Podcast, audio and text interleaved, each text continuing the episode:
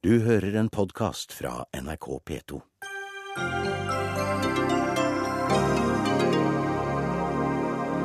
Norge bør importere tunisisk olivenolje og oppheve reisefrarådningen, mener forsker. For IS bekjempes ved at Tunisia får vekst, mener han. Er debatten om kvinner og Telenor storm i et vannglass, eller handler den om mye mer enn kvinnemas? I Troms fylkeskommune tjener en fylkesordfører, en fylkesvaraordfører, fire fylkesråder og en fylkesrådleder nesten én million hver. Samtidig kuttes tjenestene i Troms. Ingen flekk på jorda har dyrere drosjer enn Oslo. Prisene har steget med over 100% på sju år, og likevel vil ikke politikerne ha mer konkurranse. Hvorfor ikke, spør vi.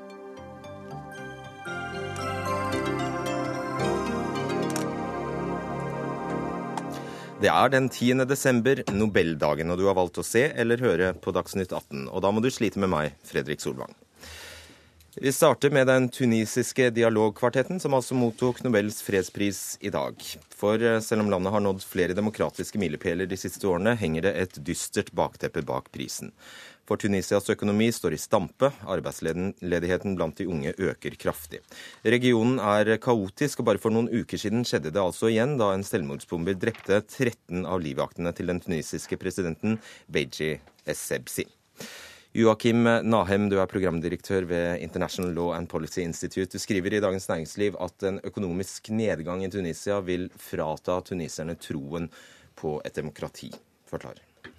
Nei, altså Det er en fare for at uh, de store økonomiske og sikkerhetsutfordringene som nå um, Tunisia har, vil gjøre at um, folk, mannen i gata, mister rett og slett troen på denne demokratiske overgangen. Altså Så lenge arbeidsplasser uteblir, så lenge utadende mennesker ikke finner arbeid, så lenge man, eh, denne velferdsstaten, som har vært ganske sterk i Tunisia, begynner å forsvinne, eh, så vil det jo være fare for et nytt opprør og sterk misnøye med regjeringen. Og det er jo sånn at demokrati setter jo ikke mat på bordet, for å si det på den måten. Og det er jo da en fare at eh, disse utfordringene faktisk undergraver den demokratiske prosessen. Og da hjelper det ikke hvor mye vi hyller dette firepartssamarbeidet i dag og snakker om eh, og bruker alle honnørordene. Nei, altså prisvinnerne selv sier jo, og for Nobelkomiteen i dagens taler, at uh, det er en dagen på i Tunisia. Uh, det er store utfordringer, og at oppfordrer jo da det internasjonale samfunnet, deriblant Norge, til å investere i Tunisia, hjelpe Tunisia med økonomien. Lederen for UGTT, fagforeningen, sier at en bedre økonomi vil eh, på mange måter løse alle problemene. Altså med, med få bort arbeidsledigheten. Får du bort arbeidsledigheten, så får du et mer stabilt Tunisia. Du tar bort mye av grobunnen for ekstremisme, eh, for misnøye. Eh, så at nøkkelen på mange måter er økonomien. Mm. Tore Hattrem, du er statssekretær i Utenriksdepartementet for Høyre. Hva gjør Norge? I Tunisia? For det første, La meg bare si at jeg langt på vei er enig i den uh, analysen. Uh, at uh, dette, den demokratiske utvikling har kommet et godt stykke videre. Men utfordringen nå er å skape arbeid for de unge. Hvis man ser på eh, rekrutteringen til ISIL, eh, så er det en stor gruppe eh, tunisere. Så det er åpenbart en stor del av frustrasjon på de manglende mulighetene som er i, i, i Tunisia. Det vi har gjort, vi, vi har trappet opp bistanden til Nord-Afrika og sårbare stater de siste årene, inkludert Tunisia. Vi går til Tunisia da? Ca. 20 millioner til Tunisia. Og vi det var ikke mye. Og vi kommer til å trappe ytterligere opp. Men dette må ses i en større sammenheng når det gjelder Nord-Afrika, fordi at vi er veldig tungt inne på andre problematiske og sårbare stater, som f.eks. i palestinske områder. Og det er riktig at Danmark og Sverige er tyngre inne i Tunisia, så her må man se tingene i sammenheng. Norge kan ikke være størst overalt. Men vi, eh, vi gjør en god del, og det er spesielt på, på menneskerettighetssiden, på økonomisk utvikling Men alt innenfor disse 20 millionene? Dette er innenfor ja, 20 millioner, ja. og vi kommer til å prioritere Tunisia ytterligere i årene fremover. Da sier du vi kunne gjort mye mer. Ja, altså jeg tror det igjen altså egentlig hva prisvinnerne sier, og Tunisia selv er jo ikke nødvendigvis eh, mer bistand, men de sier også da økt handel. Eh, gjerne ha mer eh, investeringer fra næringsliv. Og dette er jo noe som kan gjøres fra både norsk og internasjonal side. Blant annet så har jo Tunisia da en stor eksport av olivenolje. De har faktisk en produksjon av vin eh, som man ikke får kjøpt i Norge. Eh, så det er jo både små og store ting. Så de møter en tollbarriere her som Ja, eller iallfall ikke en tilrettelagt for økt handel. Så det handler jo på en måte å premiere Tunisia for det de har oppnådd demokratisk. Men igjen så er det da å åpne markedet. Og de vil ikke nødvendigvis bare ha håndsrekninger, men bli gitt en mulighet til å ha sterkere næringsrelasjoner med bl.a. Norge. Hatrem, det er jo en direkte utfordring? Jo, nei, vi, uh, som, som, jeg sier, jeg tror at det, det, det mulighetene uh, for at vi skal få en stabilisering i, uh, Tunisia i årene fremover, er nært knyttet til mulighetene for å tiltrekke seg utenlandsinvesteringer og få en økonomisk utvikling. Men dette er først og fremst det tunisiske folk og det tunisiske samfunn selv som må drive denne men ikke snakk deg, ikke, ikke snakk deg bort fra det. Altså, det, dette er en, jo, det at tunisisk oli, olivenolje kunne få innpass på det norske markedet. Men det er, ikke, det er ikke slik at uh, Tunisia har noe dårligere markedsengang enn andre nordafrikanske, uh, nordafrikanske, land. Men jeg noterer meg uh, det forslaget. Og dette med frihandelsavtale, det, det tar vi til oss som et forslag. Og, og, for dere liker jo sånt? Det, vi, er, jo for vi er veldig for handel og økonomisk utvikling, selvfølgelig. Mm. Men det som er viktig for Tunisia nå, det er å fortsette de økonomiske og politiske reformene, slik at de er i stand til å tiltrekke seg utenlandskapital. Og slik at de får økonomisk vekst. Spesielt i innlandsområdene. Det er der rekrutteringen til ISIL er størst. Ikke i hovedstaden, men ute på landsbygda. Okay. Dag Herbjørnsrud, du er daglig leder ved Senter for global og komparativ idéhistorie. Og du mener at Norge bør flytte sin ambassade fra Algerie til Tunisia. Hvorfor det? Ja, om ikke flytte, så i hvert fall få en ambassade i Tunisia. Altså, Nå har Nobelkomiteen gjort eh, sin jobb i dag, og nå er det vår tur, vil jeg si. Altså sivilsamfunnet og den norske staten. Eh, og vi nedla jo faktisk denne ambassaden i 2007. Vi hadde altså i, i lang tid en ambassade i Tunisia, men så Det, det var da den forrige eh, utenriksministeren som sto for det, men da ble den nedlagt i 2007 til eh, for, fordel for eh, Algerie. Og jeg vil jo si at på den tiden så var det ikke så stor forskjell mellom disse diktaturene. Men altså nå er dette Skal vi gi opp Algerie, da? eller? Om ikke det, så vil jeg i hvert fall si at det er et diktatur. Eh, og, det gir et veldig dårlig signal også utad eh, at vi skal støtte disse diktaturene med en ambassade. Mens dette eneste gode demokratiet i akkurat den delen av Afrika Vatikan, det, de har det da ikke. Og bare veldig kort, Det at vi da har en ambassade i Algerie, har vel ingenting med oljeaktiv, norsk oljeaktivitet i Algerie å gjøre? Jo, veldig mye. Og det ble jo eh, lagt press både fra Statoil og fra Bouteflika for å få opprettet denne ambassaden. Nok en utfordring. Flytt ambassaden. Det er riktig at, eh, at, i 2007 så la man ned en ambassade i Tunisia og åpnet en i, Algerie. Og det var en totalvurdering som lå til grunn. Eh, naturlig nok, det at vi hadde sterke økonomiske interesser i Algerie, var én faktor. Men en annen faktor som var også viktig på den tiden, var at Algerie hadde kommet seg gjennom en borgerkrig eh, som var meget blodig og smertefull. Eh, gjennom et nasjonalt kompromiss. Og de ble ansett som å være en viktig aktør i kampen mot internasjonal turisme. Så du kan si at situasjonen var nesten litt snudd opp ned i sammenlignet med nå. Eh, nå synes jeg det er dumt da man setter disse tingene opp mot hverandre. Eh, Algerie er et mye større, større, land og har enorm betydning for stabilitet i Nord-Afrika. Det betyr ikke at, det, at, vi utelukker muligheten for å åpne en ambassade i Tunisia. Den, den vil alltid være til vurdering til enhver tid. Vi har nå et generalkonsul. Eh, vi har en, en honorær generalkonsul. Én person, en visekonsul, er fulltidsansatt og steller med norske saker. Og dette håndteres også fra ambassaden i Algerie, pluss at vi samarbeider med nordiske land i Tunisia. Hva syns du om denne ideen om å flytte ambassaden? Nei, altså det, det, er jo en vurdering man må, må ta. Altså, det er jo både politiske og økonomiske hensyn. Men det eh, som har vært skadelig, og det som er en utfordring, og også belyser disse sikkerhets- og økonomiske utfordringene, er at Per i dag så er det et reiseråd eh, fra Norge og andre europeiske land som fraråder sine borgere å reise til Tunisia grunnet eh, terroraksjonene, eh, spesielt i SOS. Og de er jo selvfølgelig tatt på grunnlag av en sikkerhetsvurdering. Men der ligger det jo igjen da muligheter for å jobbe med Tunisia for å bedre sikkerheten, slik at man kan da fjerne denne frarådningen og få turister tilbake til Tunisia. For det har vært ekstremt skadelig for den, turist, for den tunisiske økonomien og eh, på en måte gir en slags seier til terror. Men du mener ikke at vi skal terror. sende norske, ter Nei, norske men, turister for å se om det går bra? Nei, men altså, poenget er jo at man kan jobbe med tunisiske myndigheter for å oppnå den sikkerheten som trengs for at det er igjen trygt å reise til Tunisia. Det er, dette er jo også da etterspurt av tunisiske myndigheter. Eh, du Herbjørnsrud, skriver eh, på en ytring til NRK at IS frykter en arabisk suksesshistorie som Tunisia. Mm. På hvilken måte da? Jo, altså det er jo et veldig godt eksempel på at det går an å få til et demokrati. Og, og, det står jo Og det er klart at hvis de får denne staten til å falle, så kan de jo få flere til seg. Og, men også sett fra et europeisk perspektiv så er det vil jeg si, veldig viktig å få støtte opp under spesielt dette landet. Ikke så mye kanskje det andre. Altså dette er kanskje det viktigste landet. Fordi at det kan være med på å vise at vi også støtter da de gode sekulære landene. Men det er jo et veldig lite land? I, lite, men viktig. Det er veldig viktig. Et vakkert land, må jeg også bare si. Og, det, og, og hvis altså Norge hadde en ambassade på bakken, det er sånn, så ville man også kunne si litt mer tydelig eh, til det norske folk hvorvidt man burde dra dit eller ikke. Veldig kort, og så skal Hatrem få avslutte.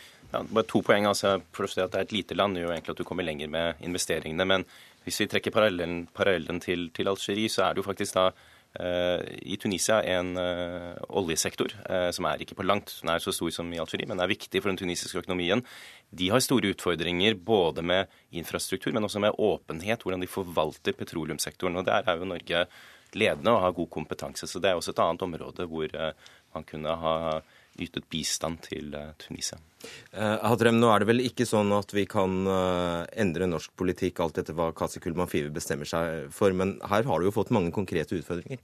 Ja, vi tar selvfølgelig alle de utfordringene med oss. Uh, og det jeg vil si er at uh, Dette med sikkerhetssektorreform som ble nevnt, det er ekstremt viktig. fordi hvis, hvis, denne staten feiler, så er det en stor tragedie for oss alle. Det, det vil kreve militær støtte. Det ligger nok litt utenfor det Norge vil være i stand til å gjøre. Men jeg ser det er en debatt i USA om å bistå Tunisia ytterligere, så det er veldig viktig. Når det gjelder turisme og Norsk reiseråd, så er det jo akkurat som det blir sagt her. altså Vi kan ikke underlegge Reiserådet en politisk vurdering. Den må kun være en sikkerhetsvurdering. Og det har vært en del terrorepisoder i Tunisia som gjør at vi er nødt til å gi det reiserådet vi gir. Mm. Og så gratulerer vi fredsprisvinnerne nok en gang, og takk til dere. Tore Hatrem, Joakim Nahem, Nahem og Dag Herbjørnstrud. Dagsnytt 18 alle hverdager kl 18.00 på NRK P2 og NRK2.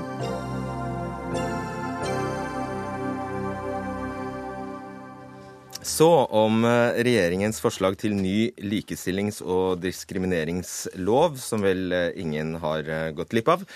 Den får jo både arbeidstakere og arbeidsgivere til å steile.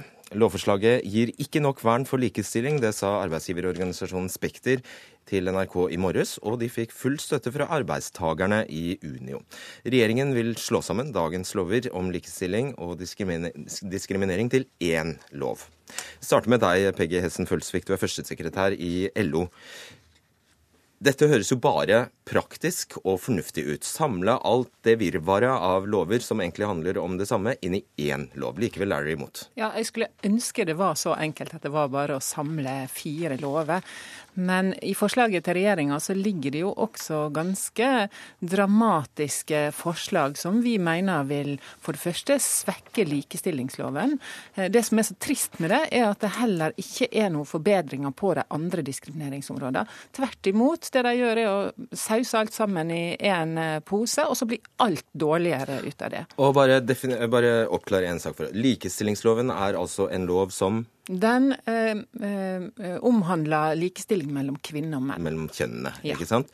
Og da er det lett å lese deg nå som at du setter i hierarkiet, diskrimineringshierarkiet, kvinnene aller øverst. De skal ha sin egen lov, og Gud, Gud forby at de andre skal, skal blandes inn i det. Men dette er ikke et uh, hierarki. Dette er fire lover som dekker fire ulike områder. Og vi er for et sterkt diskrimineringsvern for alle grupper som uh, bli utsatt for diskriminering her i Norge. Poenget er at med de grepene som regjeringa eh, foreslår her, så svekker vi det for alle fire. Mm. Og det er jo ikke bra. Kan du ha kommet i skade for å gjøre det, Solveig Horne, barne-, likestillings- og inkluderingsminister?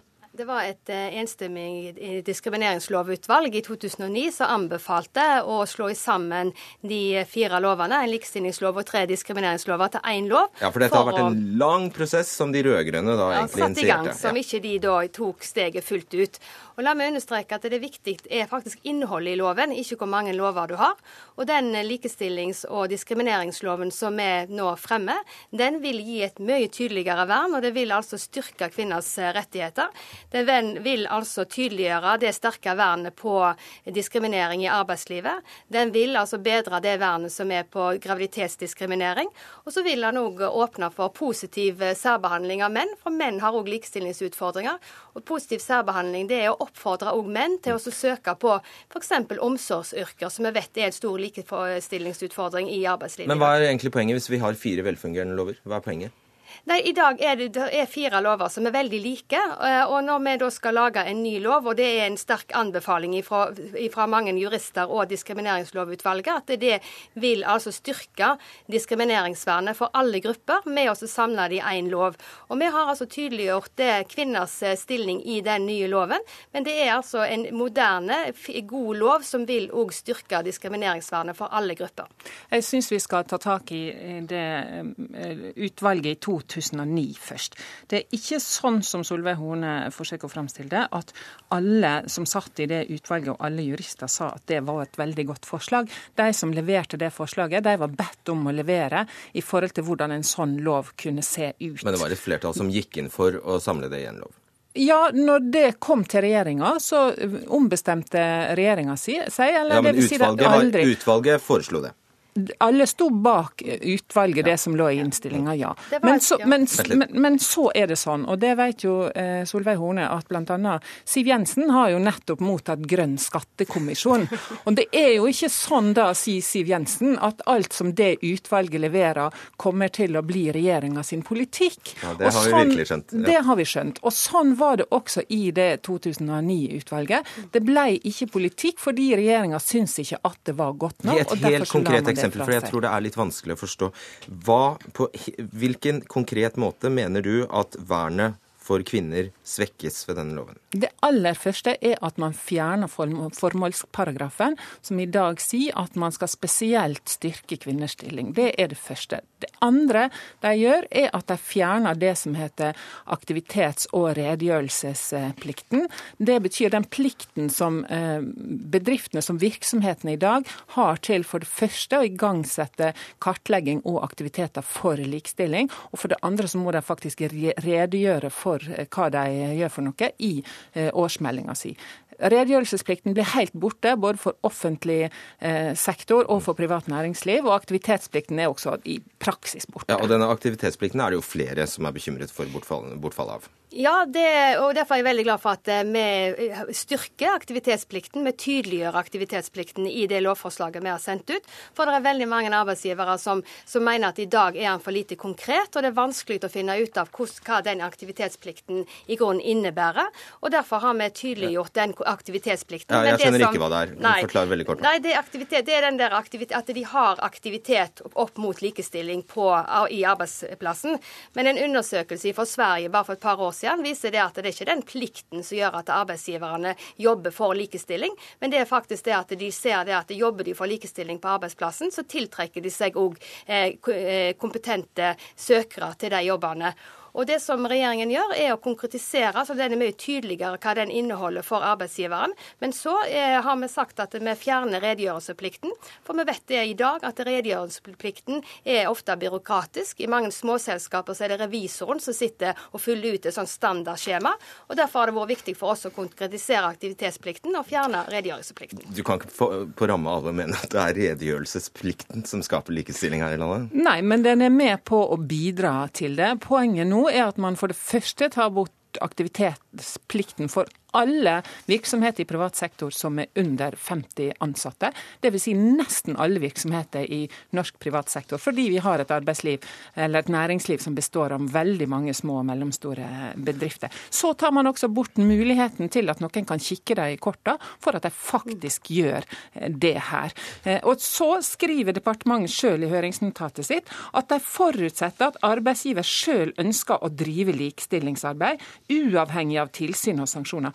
Vel, den forutsetninga syns jeg kanskje er litt eh, naiv. for Svar ja eller nei på et spørsmål. Er dette en så stor en sak at det kan bli en, en av, parolene, en, en av hovedparolene på 8. mai? Mars? Det kommer det helt sikkert til å bli. Jeg er ganske sikker på at det er mange som kommer til å mobilisere for, for at, man, at man nå vil trekke enda et skritt bakover når det gjelder likestillingsarbeid. Men jeg har lyst til å utfordre LO litt på hva med den nye loven er det som svekker likestilling for kvinner? Nei, har, og har det, vi har ikke tid til et svar på det. Det som vi gjør nå, er faktisk at vi styrker, og spesielt opp imot graviditetsdiskriminering, som den forrige regjeringen faktisk svekka når de behandla denne, denne, loven i 2013. Og det har òg LO innrømt sjøl, at de sov i timen i 2013. Ok, Med det løftet du ga, eh, Følsvik, så kommer vi til å diskutere dette mye mer. Takk skal dere ha.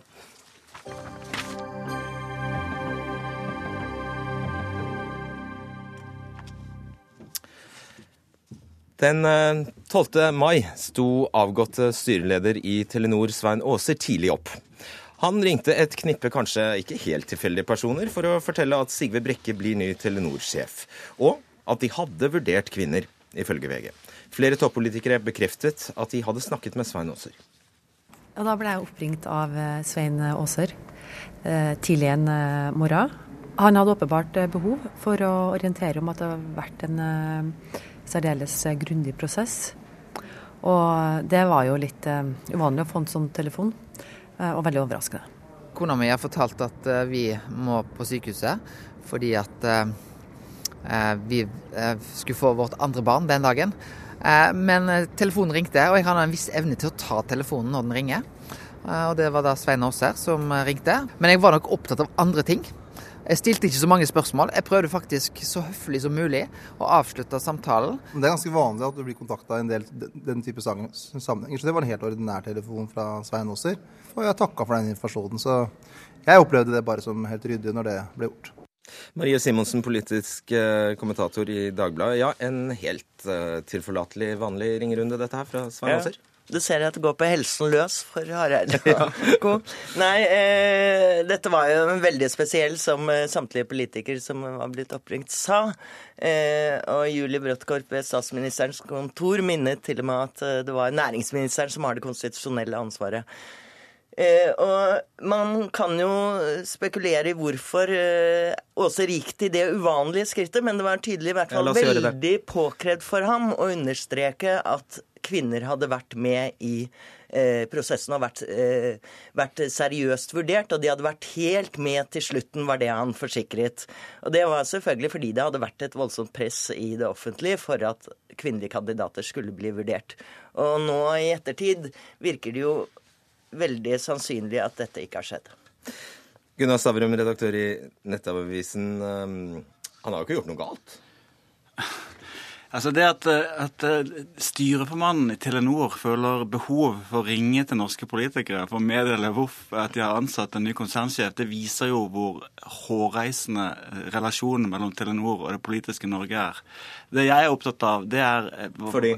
Fordi at det er greit å ha prinsipper for hvordan du styrer et selskap, og også prinsipper for hvordan du som en av mange aksjonærer eh, agerer i forhold til et selskap.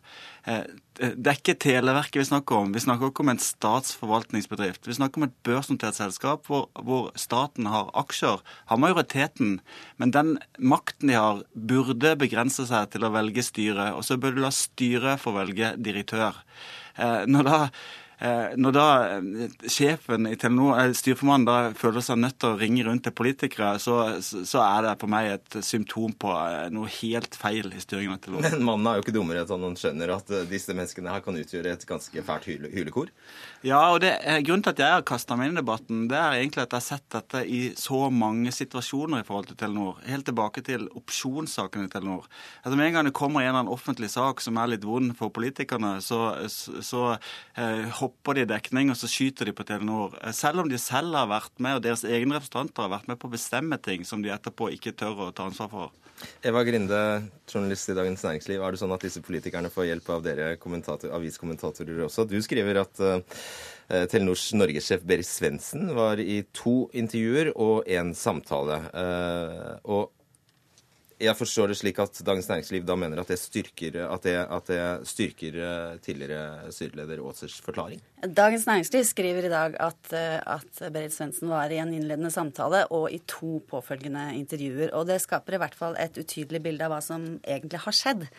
Eh, for den historien som fikk leve i offentligheten i to døgn fra og med tirsdag, var jo at hun var blitt innkalt på én innledende samtale der hun hadde sagt at hun var interessert i jobben. Og så hørte hun ikke noe mer.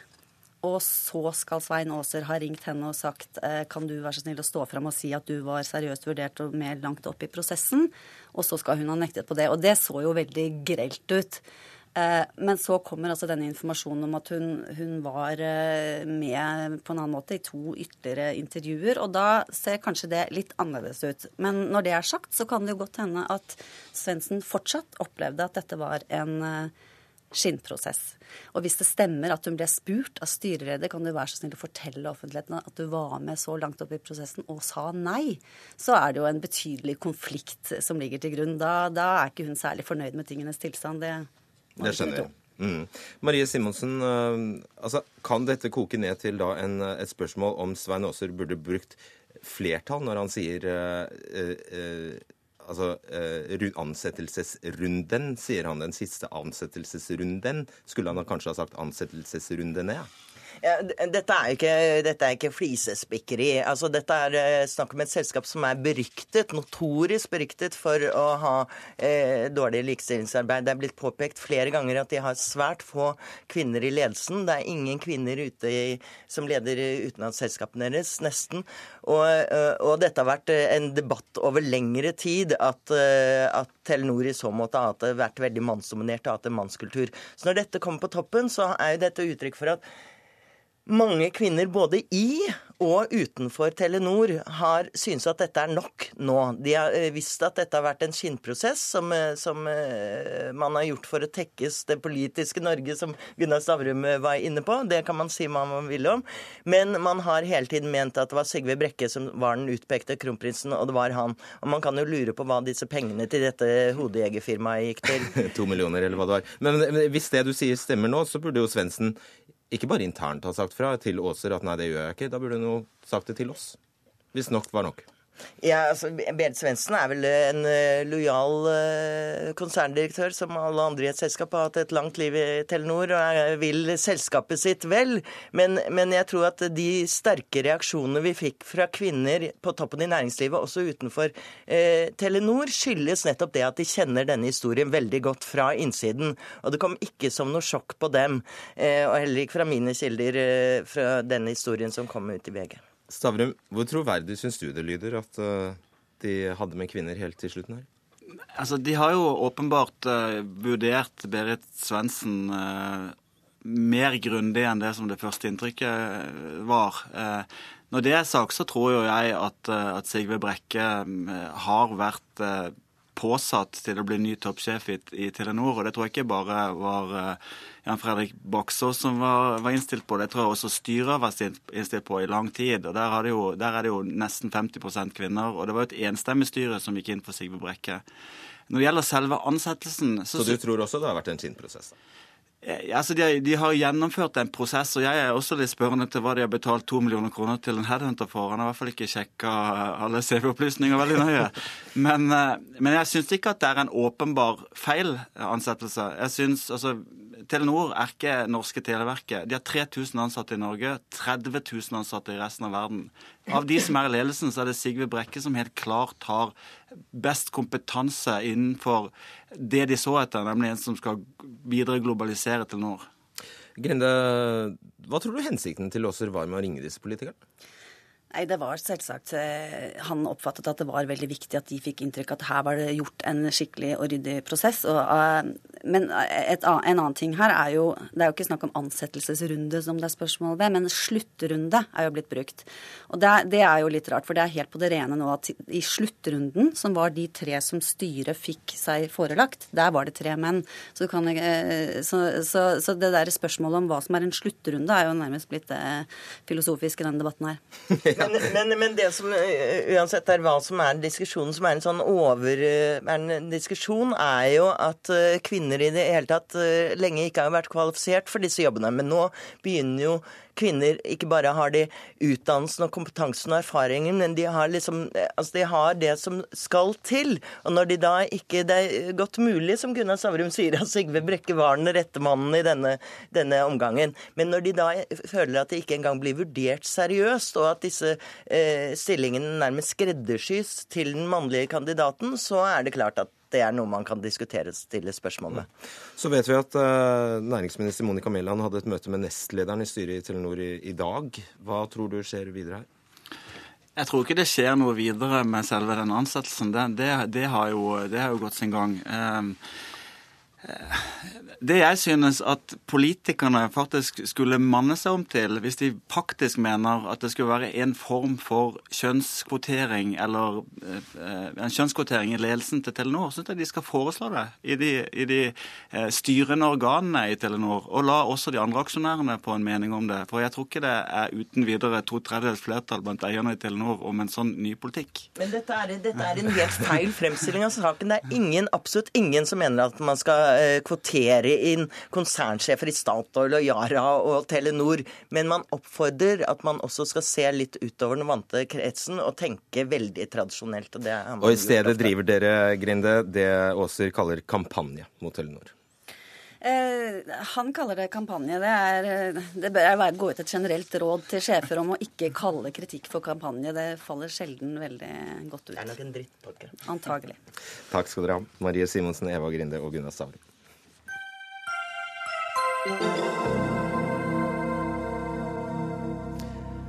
Troms fylkeskommune må kutte 300 millioner kroner de neste årene.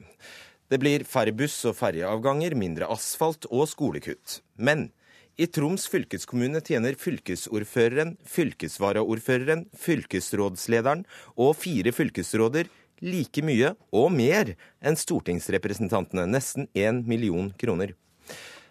Vi skal eh, først til deg, Skjalg Fjellheim. Du er kommentator i Nordlys og med oss fra Tromsø. og Du har skrevet en uh, kommentar som du har kalt 'gallionsfigur med god lønn'. og Da sikter du til fylkesordfører Knut Werner Hansen i Troms. Du mener rett og slett det ikke er riktig at han tjener nesten en million? Jeg syns det er veldig rart i en situasjon der vi nesten daglig ser politikere ute i media besvære seg over alt det de ikke har råd til.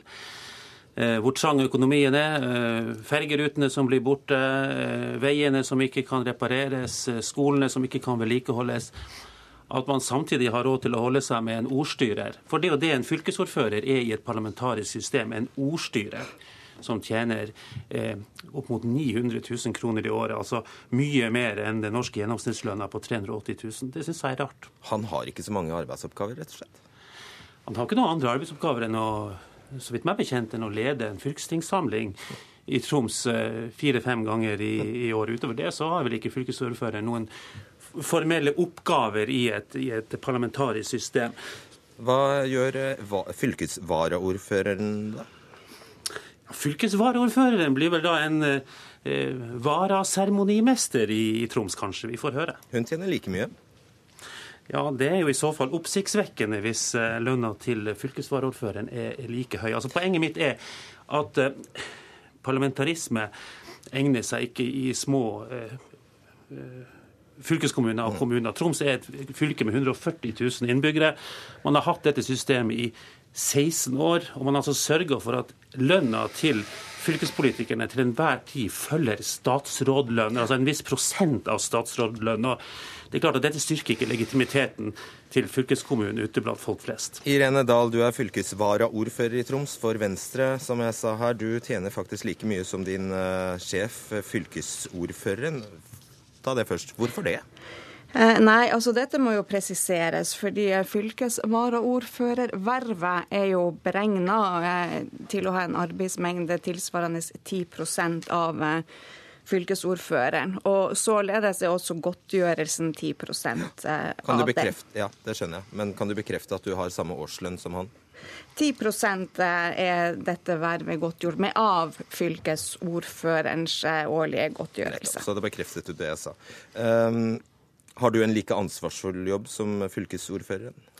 Eh, Jeg vil jo gjerne først eh, presisere litt omkring dette med fylkesordføreren sine oppgaver. Han er jo for det første her nå eh, blitt eh, benevnt å være en seremonimester.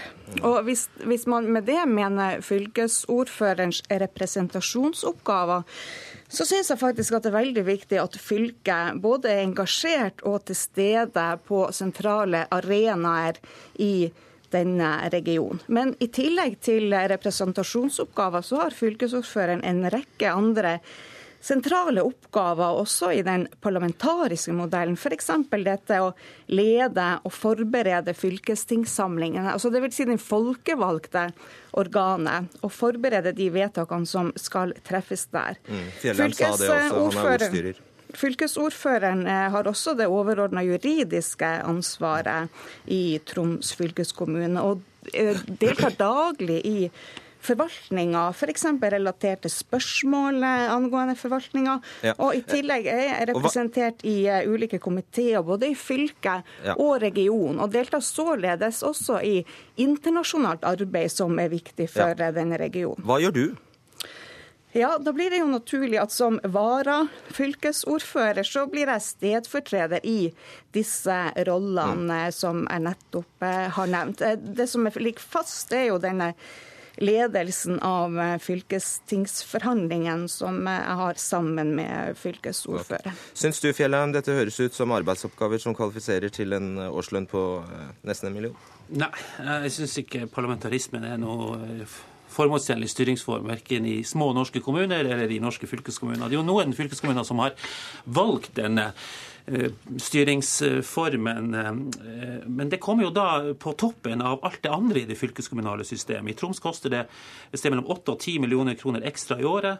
Altså, Man har fått fylkesråder altså som tilsvarer statsråder, men man har samtidig valgt å beholde alle etatssjefene i fylkeskommunen. Man har altså for en, fylkes, man har en fylkesråd for utdanning, men man har også en fylkesutdanningssjef og en assisterende fylkesutdanningssjef til og med. Altså det, det administrative nivået som parlamentarismen var ment å fjerne, det har man altså beholdt. Mm. Førsteamanuensis i statsvitenskap Hans Petter Saksi ved Universitetet i Nordland, du er med oss fra Bodø. Den beskrivelsen Skjalg Fjellheim her eh, gir, er jo helt parodisk. Eh, Det er ikke parodisk i og for seg. Du kan jo si en eh, fylkesordfører i et eh, fylkesutvalgssystem skal jo også ha lønn og uh, lønns... Jo, men alle disse nivåene, og at de ikke kvitter seg med noen når de innfører parlamentarisme? Det er riktig. Sånn at For det første så er det jo sånn at det administrative systemet blir jo relativt sett uberørt av å innføre parlamentarisme. Men man får da eh, politiske ledere for hver eh, etat eh, i fylkeskommunen. Det- ja. Sånn at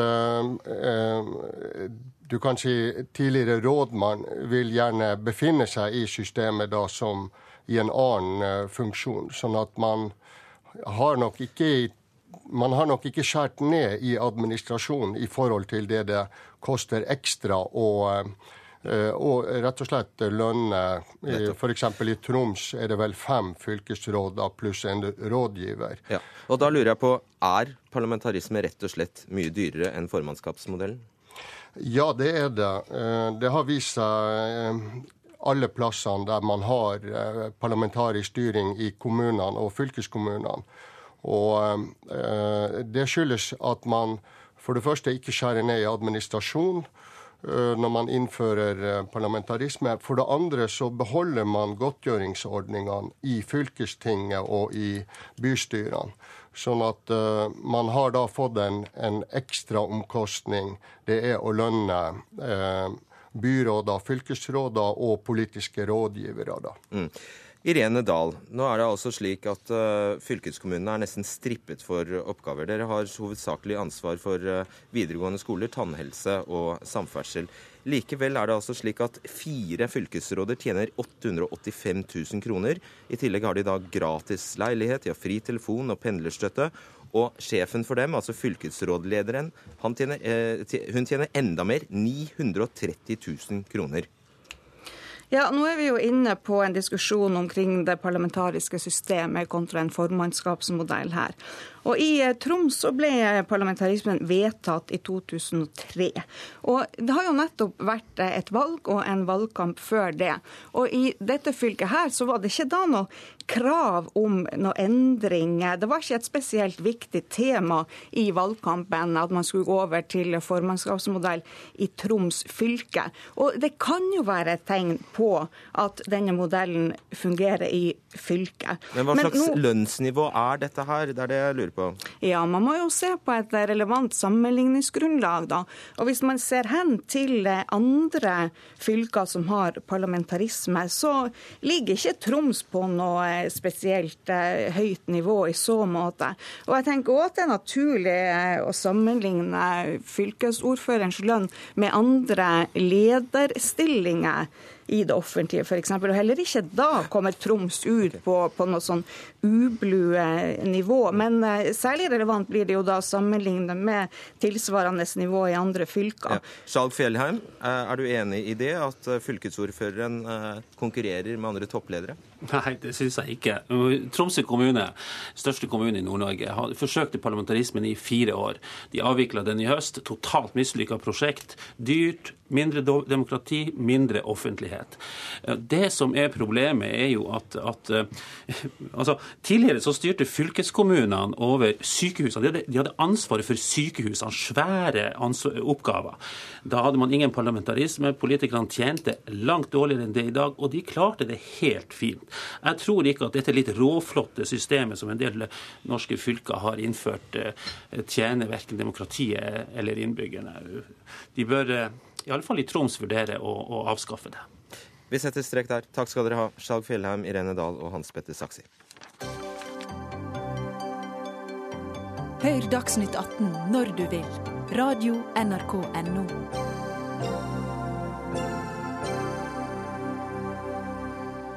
Norsktrente syriske flyktninger kan bidra i en bakkeinvasjon i Syria. Ja, Meldingen er klar, og den kommer fra deg, Christian Tybring-Gjedde, forsvarspolitisk statsmann i Frp. Du har altså lyst til å trene opp syriske flyktninger som rømmer fra krig, til å delta for Norge i krig i Syria. Dette må du forklare. Nei, jeg tror ikke de skal delta for Norge, de skal vel delta for seg selv. Det er jo slik at uh, De siste månedene nå så har Europa tatt imot uh, nærmere en million flyktninger fra Syria. Det er vel 700 000 nå. Mange av disse er uh, unge menn i sin beste alder, kvinner også for den saks skyld. Dette er mennesker som får beskyttelse i Europa. Samtidig så er det en borgerkrig som de flykter ifra. Og den krigen driver Norge og bidrar med styrker i opplæring bl.a. av persmerga-styrkene i Irak for å bekjempe islamske stat. Nå har USA vært ute og ønsket mer deltakelse fra flere land. Og det er også snakk om en bakkeoffensiv. Eh, nå har foreløpig ikke blitt en beslutning på det. Men dersom det blir aktuelt, så mener jeg at de flyktningene som har kommet til Europa, på frivillig basis kan få militær trening og utdanning i Europa, og da også i Norge, og reise tilbake for å frigjøre sitt eget land. Det er det mange fordeler ved. Skal de reise ut på vegne av det norske forsvaret, eller hvordan skal dette gjøres? Nei, de skal være på vegne av seg selv. Det er jo ikke norske statsborgere, så det er ikke noe, det er ikke noe fremmedlegionærer det her. Det er faktisk syrere som kjemper i Syria for det de tror på. Og det er, dette er jo syrere som både kan sin egen kultur, kan sitt eget språk, kan sitt eget samfunn, kan sitt eget nabolag, og som vet hvilke grupper de skal kjempe mot. Eh, så jeg syns dette her er et forslag som eh, flere europeiske land bør vurdere. og Jeg håper også at eh, vår regjeringssjef lytter. Mm.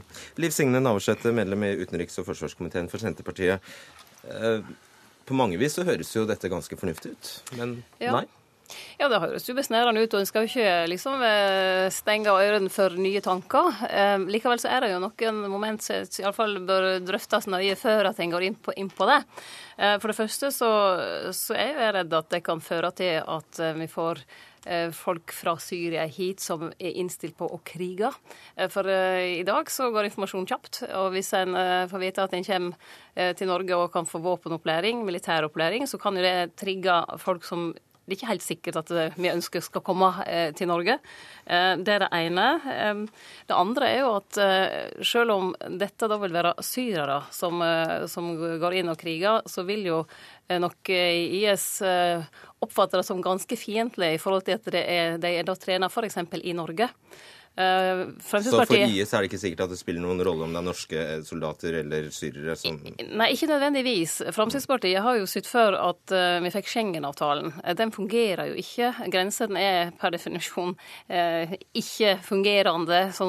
Ikke, eller grensekontrollen er per definisjon ikke fungerende i dag. Ergo så kan jo òg andre ta seg inn til landet, sånn sett, som kan ha fiendtlige hensikter. Så jeg tror at dette kan bety mer usikkerhet for, for Norge.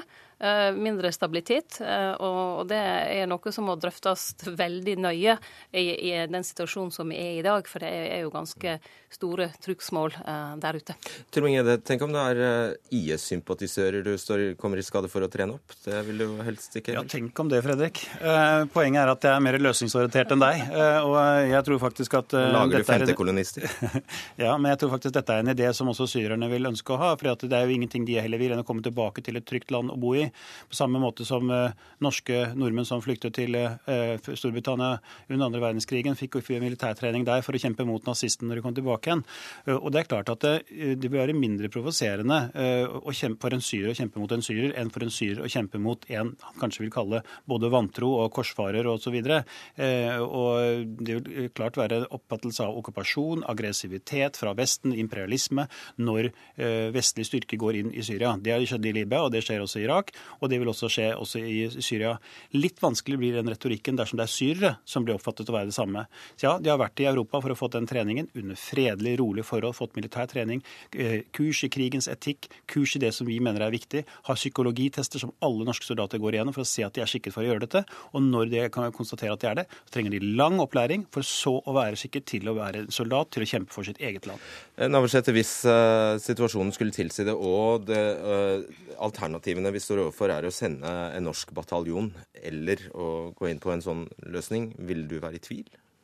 For det første så det er det viktig å understreke at eh, Senterpartiet ønsker jo ikke å sende noen Nei, norsk bataljon. Det, men... men, eh, og det andre som er viktig å understreke, at vi kan ikke sammenligne med, med situasjonen under andre verdenskrig. Altså, Vi hadde eksilregjering i London. Vi hadde en helt annen situasjon eh, da enn vi har i dag. Så jeg syns det blir en litt, eh, litt bisarr sammenligning.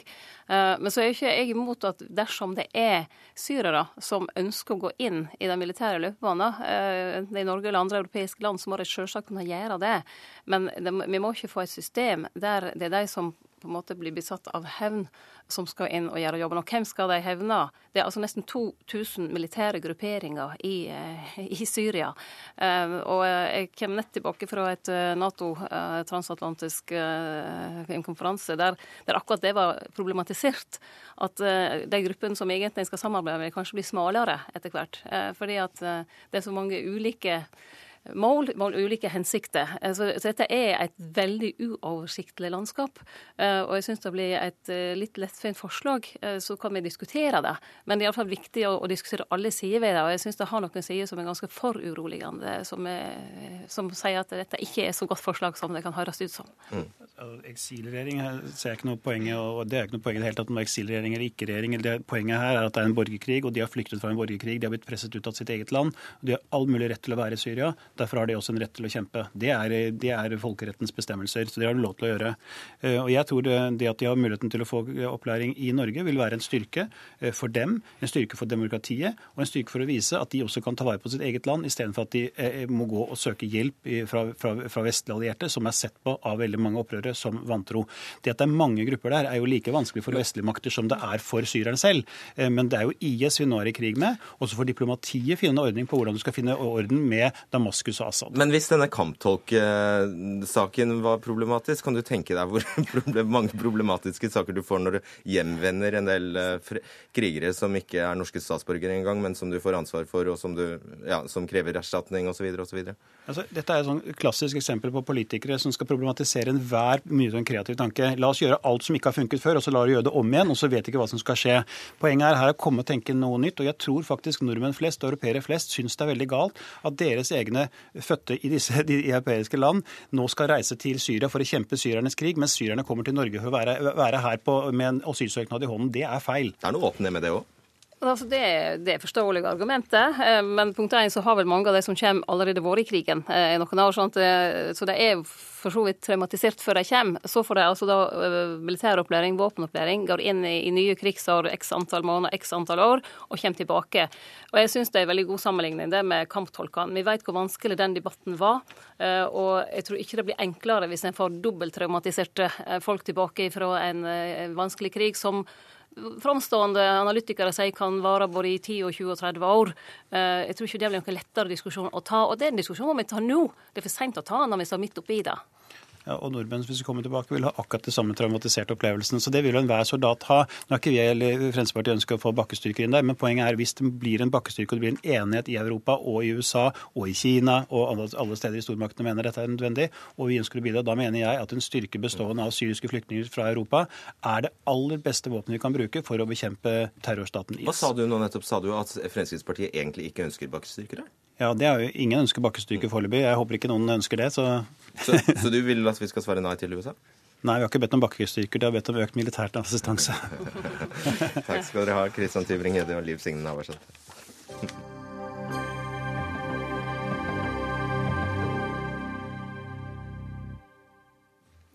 Oslo har altså verdens høyeste taxipriser, ifølge tall som det sveitsiske finansrådgivningsselskapet UBS har samlet inn.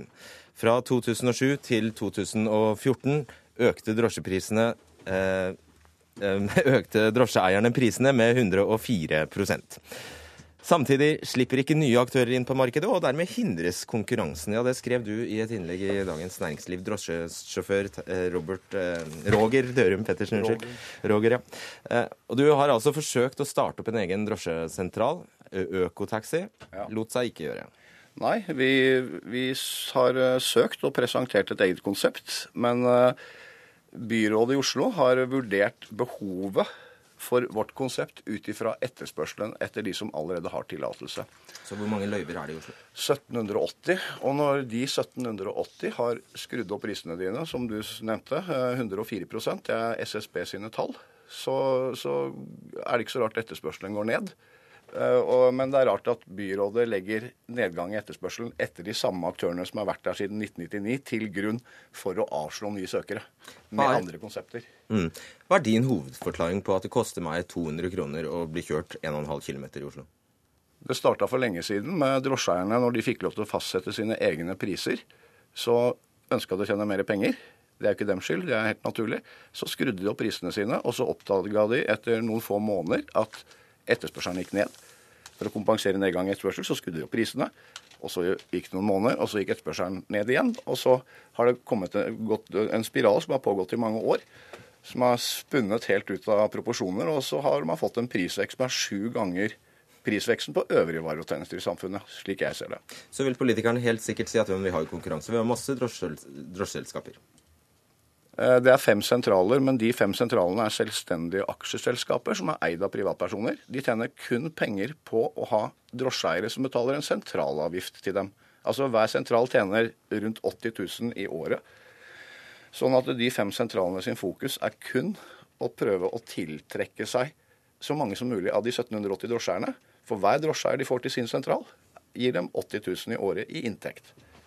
Og det er også derfor at prisene er så merkelig like?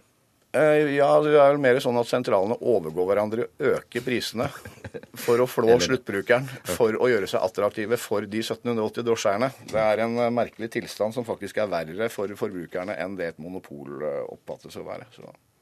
Andreas Halse, du sitter i samferdsels- og miljøkomiteen i Oslo bystyre for Arbeiderpartiet. Har det ikke slått deg at det er vel mistenkelig lite pris, liten prisforskjell mellom de forskjellige drosjeselskapene, hvis det faktisk er konkurranse? da?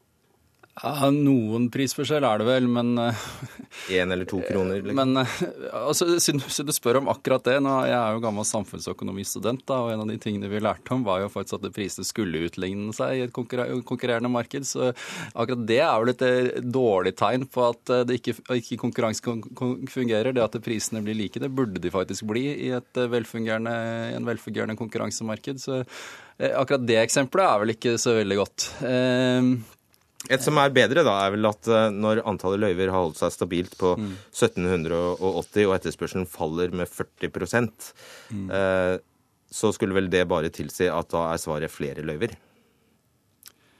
Ja, um, altså tror jeg, jeg, tror det er flere ting å, å si om denne debatten. da. Uh, for det første så er det grunn til å prøve å forklare hvorfor situasjonen er som den er i taxinæringa. Det er nok noe vi kjenner ganske godt fra Norge, uh, og som egentlig er hele grunnkonseptet bak den nordiske modellen. At vi har et fenomen som økonomene vil kalle sticky prices. Uh, det at lønningene i bransjen er ikke først og fremst definert av eh, forholdet mellom tilbud og etterspørsel, men hva som er omkringliggende lønninger. Eh, og hva som skjer i andre bransjer, og de følger det lønnsnivået som er i andre bransjer. Så selv om etterspørselen, etterspørselen synker, så synker ikke automatisk lønningene og tilbudet. Det du sa nå, var at drosjesjåfører har tilgang til en viss type jobber der mm. lønnsnivået er sånn og sånn og ganske likt. Ja, kan, du kan godt si det, på, si det på den måten, ja. Eh, og det som skjer da, er at de istedenfor å konkurrere om Eller istedenfor at lønningene senker seg, og at vi får et, eh, en eh, utligning mellom tilbud og etterspørsel, så ser vi at eh, drosjesjåførene tilbyr mer, rett og slett, å kjøre mer. Og at det er og at de bruker mye tid på å hente inn de samme lønningene istedenfor. Altså, Etterspørselen etter taxi var, som du nevnte, har sunket med 40 Eh, I dag så står en gjennomsnittstaxi eh, over 70 av tiden den er ute, ledig. Når jeg er ute på jobb så, og er ute i ti timer, så får jeg kunder i tre timer. De kundene som bruker meg i tre timer, må på en måte dekke inn for mitt inntektsbehov i ti timer. Mm. Og da blir jo prisen veldig høy. Sånn at drosjenæringen i dag består av aktører som i stor grad ser på kundene som noen som skal dekke deres behov, og ikke omvendt. Sånn at mm. Eh, de ser på kundene sånn Å ja, nå må vi vente lenger på kunder. Ja, da får vi skru opp prisen sånn at de, de skal jo dekke inn min titimerslønn. Så mm. Det høres jo helt ja, det er, det er egentlig en annen måte å si omtrent det samme jeg sa. Jeg tror det er en ganske riktig analyse. Men da må jo du som politiker gjøre noe med det, for sånn kan det jo ikke være. Ja, det er jeg faktisk helt enig i. Eh, nå har vi hatt, eh, har vi, hatt flere, vi har jo prøvd noen ting eh, i Oslo gjennom de siste årene. Eh, Riktignok ikke med det flertallet, et flertall som jeg har vært en del av, men eh, vi har fått en samkjøringsavtale med Oslo og Akershus. Eh, noe av utfordringen med den avtalen er jo at det har betydd at vi har fått betydelig flere taxier inn i Oslo. Så det er ikke helt riktig å si at vi har 1780 løyver i Oslo. F.eks. er det fritt fram for taxi fra Akershus å kjøre inn i Oslo. I tillegg så er jo eh, en god del det som heter reserveløyver, har Akershus betydelig mer liberale regler for hvordan de kan kjøre. og betyr at mange flere av dem kan kjøre inn i Oslo. Så vi har egentlig fått en ganske stor økning i antall taxier som leverer tjenester i Oslo. Eh, men vi har det fenomenet som egentlig både Roger og jeg beskriver på litt forskjellige måter, nemlig at eh, man er først og fremst ute til å tjene inntekten, og da eh, tjene den inntekten man ønsker. Og så losser man da gjennom prisene og gjennom å kjøre, kjøre mer. Og har, Foreløpig har vi i hvert fall ikke sett gjennom de årene vi har hatt denne samkjøringsavtalen med Akershus, at det å eh, flytte flere taxier inn i markedet har ført til at prisene har blitt lavere for forbrukerne. Gi resepten. Hva skal til? Nei, altså, Jeg tror at man må liberalisere drosjenæringen kraftig. fordi Én ting er at det er negativt for forbrukerne, som betaler overpriser. Det er for negativt for næringen selv, fordi den får en stor nedgang i etterspørselen. Og, og, til syvende og, sist, og til syvende og sist er det veldig negativt for næringen selv. Fordi alt det vi snakker om om reguleringer og, og, og byråkrati og sånn, det, det, gjør at, at det, det munner ut i at man får et forbud, i praksis et forbud mot innovasjon og nyskaping, mens det i andre land ikke er forbud mot nyskaping og innovasjon. Og Da får du aktører fra utlandet som trenger, presser seg på, f.eks. Uber er, som fungerer bra der de har tillatelse. Så får de ikke tillatelse her med konsept som antageligvis er mye bedre enn den etablerte taxinæringen sin. Og, så, og, og, da vil den etter hvert vil den norske drosjenæringen falle som slakt i fanget på utenlandske aktører. Fordi den er polit, svekka altså av politikerne. Jeg tror det er god grunn til å forvente mer av taxiselskapene i årene framover. Eh, og at vi må kunne få mer ut av de tjenestene de, det teknologien gjør mulighet for. Nå. Altså, at man faktisk må kunne se hvilken sjåfør det er som henter meg når når jeg bestiller en, en drosje, burde være interessant. Å se om denne sjåføren, hva slags kommentarer, karakterer den har fra andre passasjerer, om det er spesielle anmerkninger, burde kunne være interessant. Og man burde kunne betale med den appen man har, f.eks. Altså Ruter klarer det, det burde taxiselskapene klare. Ja. Okay. Men det er, det er et tilleggspoeng her, da, det mener jeg er litt viktig. og det er at eh, Taxien er en del av kollektivtjenestene vår. Så vi er avhengig av å organisere dette på en litt annen måte enn det vi gjør på et helt vanlig marked. Mm. Men ja-nei-spørsmål. Syns du taxi er for dyrt i Oslo? Ja. Takk skal dere ha. Denne sendingen er over. Roger Dørum Pettersen og Andreas Hasse, takk skal dere ha. Ansvarlig for eh, sendingen var Ida Tune Øresland. Teknisk ansvarlig Hanne Lunås. Og jeg heter Fredrik Solvang.